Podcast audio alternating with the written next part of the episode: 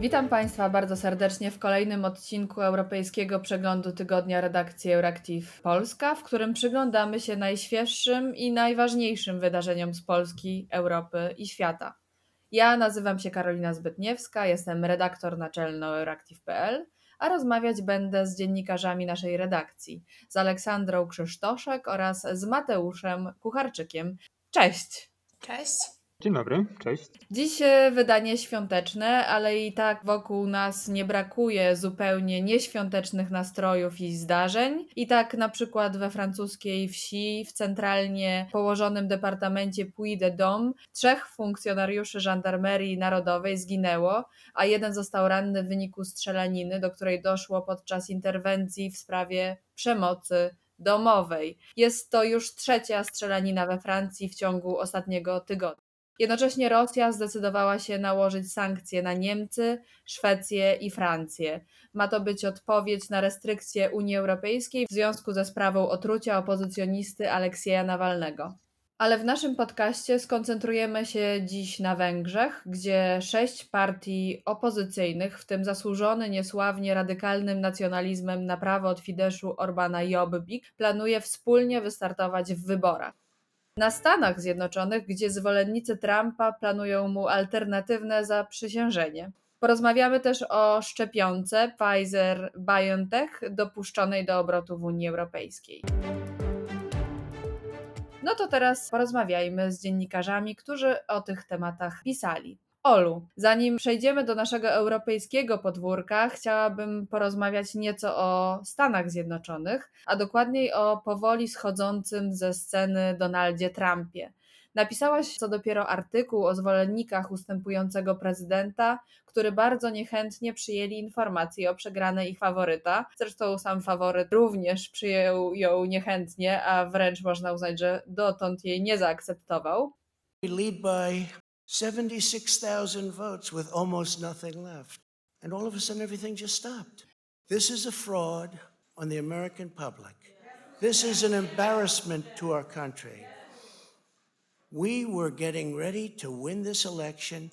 Frankly, we did win this election. I w związku z tą niechęcią planowane jest alternatywne zaprzysiężenie Trumpa. Czy mogłabyś nam nieco wyraźniej przedstawić tę sytuację?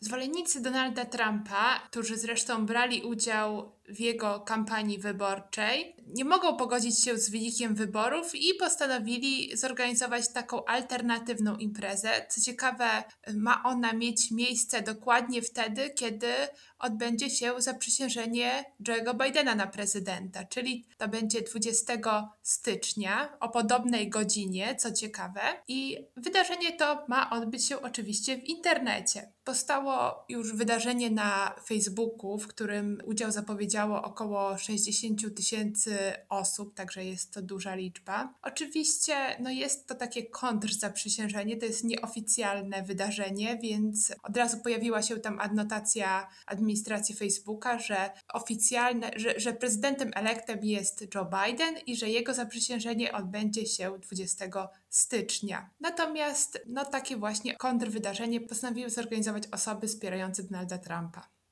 No tak, czyli amerykańskiej farsy ciąg dalszy. No dobrze, teraz przeniesiemy się na Węgry. I Mateusz zarysuje nam sytuację w innym państwie członkowskim Grupy Wyszehradzkiej. Zatem w 2022 roku odbędą się wybory parlamentarne, w których, jak zostało zapowiedziane, sześć węgierskich partii opozycyjnych wystartuje wspólnie i wystawi jednego kandydata na premiera.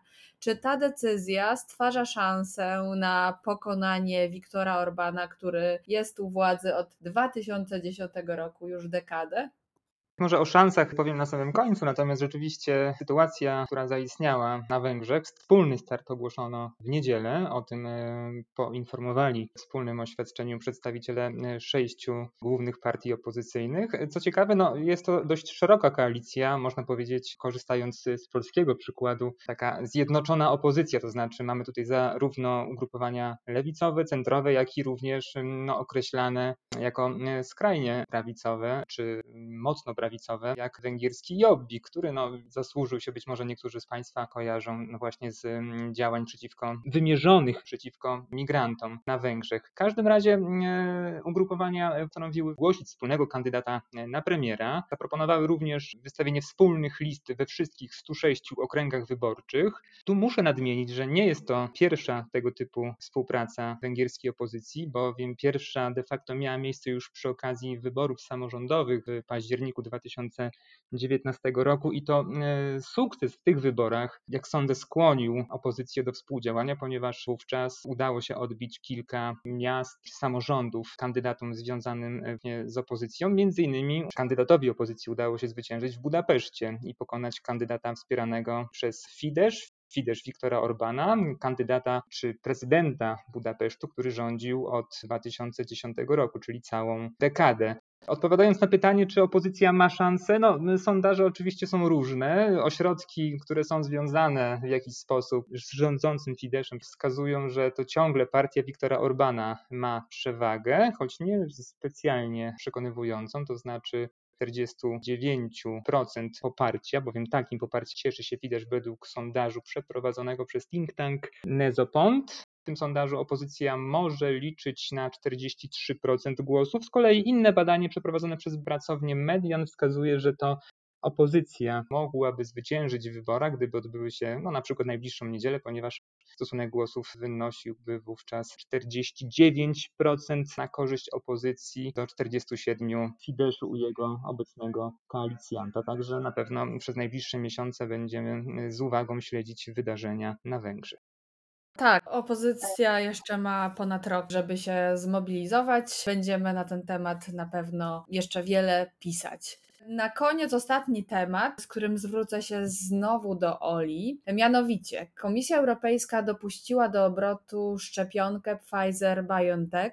Today we add an important chapter in our fight against COVID 19. We took the decision to make available for European citizens the first COVID 19 vaccine. We granted conditional market authorization to the vaccine produced by BioNTech and Pfizer. Brzmi to jak ładny unijny prezent od Mikołaja uwięzionego w Laponii. Kiedy rozpoczną się szczepienia i na jakich zasadach?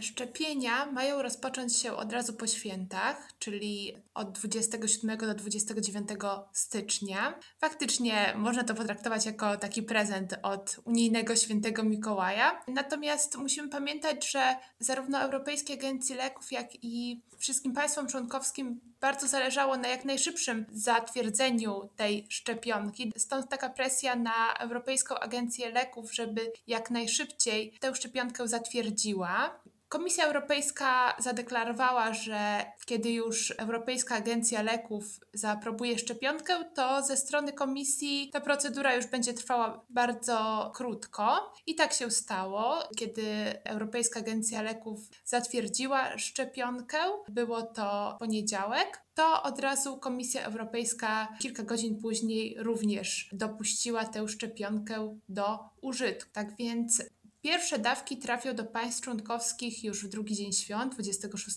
grudnia, i już dzień później rozpoczną się szczepienia. Z informacji, jakie otrzymaliśmy z innych krajów wynika, że większość krajów ma otrzymać około 10 tysięcy szczepionek 26 grudnia. Natomiast do końca grudnia, w przypadku większości, przynajmniej tych większych krajów, ma to być już około 300 tysięcy szczepionek. Z tym, że zwykli obywatele jednak na te szczepionki jeszcze będą musieli poczekać, ponieważ w większości krajów w pierwszej kolejności szczepiony będzie personel medyczny, a następnie te grupy wysokiego ryzyka, na przykład osoby starsze. Niemniej jednak jest to bardzo pozytywna informacja dla Unii Europejskiej. I jeszcze bardziej pozytywną informacją jest to, że wszystko wskazuje, że ta szczepionka będzie działała również na tę nową mutację koronawirusa, która pojawiła się w Wielkiej Brytanii. Natomiast no, musimy pamiętać o tym, że dystrybucja tej pierwszej transzy ma zakończyć się we wrześniu przyszłego roku, natomiast no, będzie ona ogólnie trwała długo, więc zwykli obywatele na zaszczepienie się będą musieli jeszcze poczekać. Dziękuję, Olu. Na pewno Unii Europejskiej przyda się taki sukces, także wizerunkowy, nie tylko zdrowotny. Jeszcze na koniec dodam akcent świąteczny, ale też akcent bardziej lokalny jednocześnie. Mianowicie w Polsce żyje obecnie około 1,5 miliona migrantów zarobkowych, głównie z Ukrainy. Zdecydowana ich większość, czyli prawie 85%, pozostaje na zimowe święta w Polsce. Wykazało to badanie socjologiczne E EWL-SAI Studium Europy Wschodniej Uniwersytetu Warszawskiego. Aż dla dwóch trzecich badanych będą to pierwsze takie święta spędzone w naszym kraju z dala od swoich rodzin i od bliskich.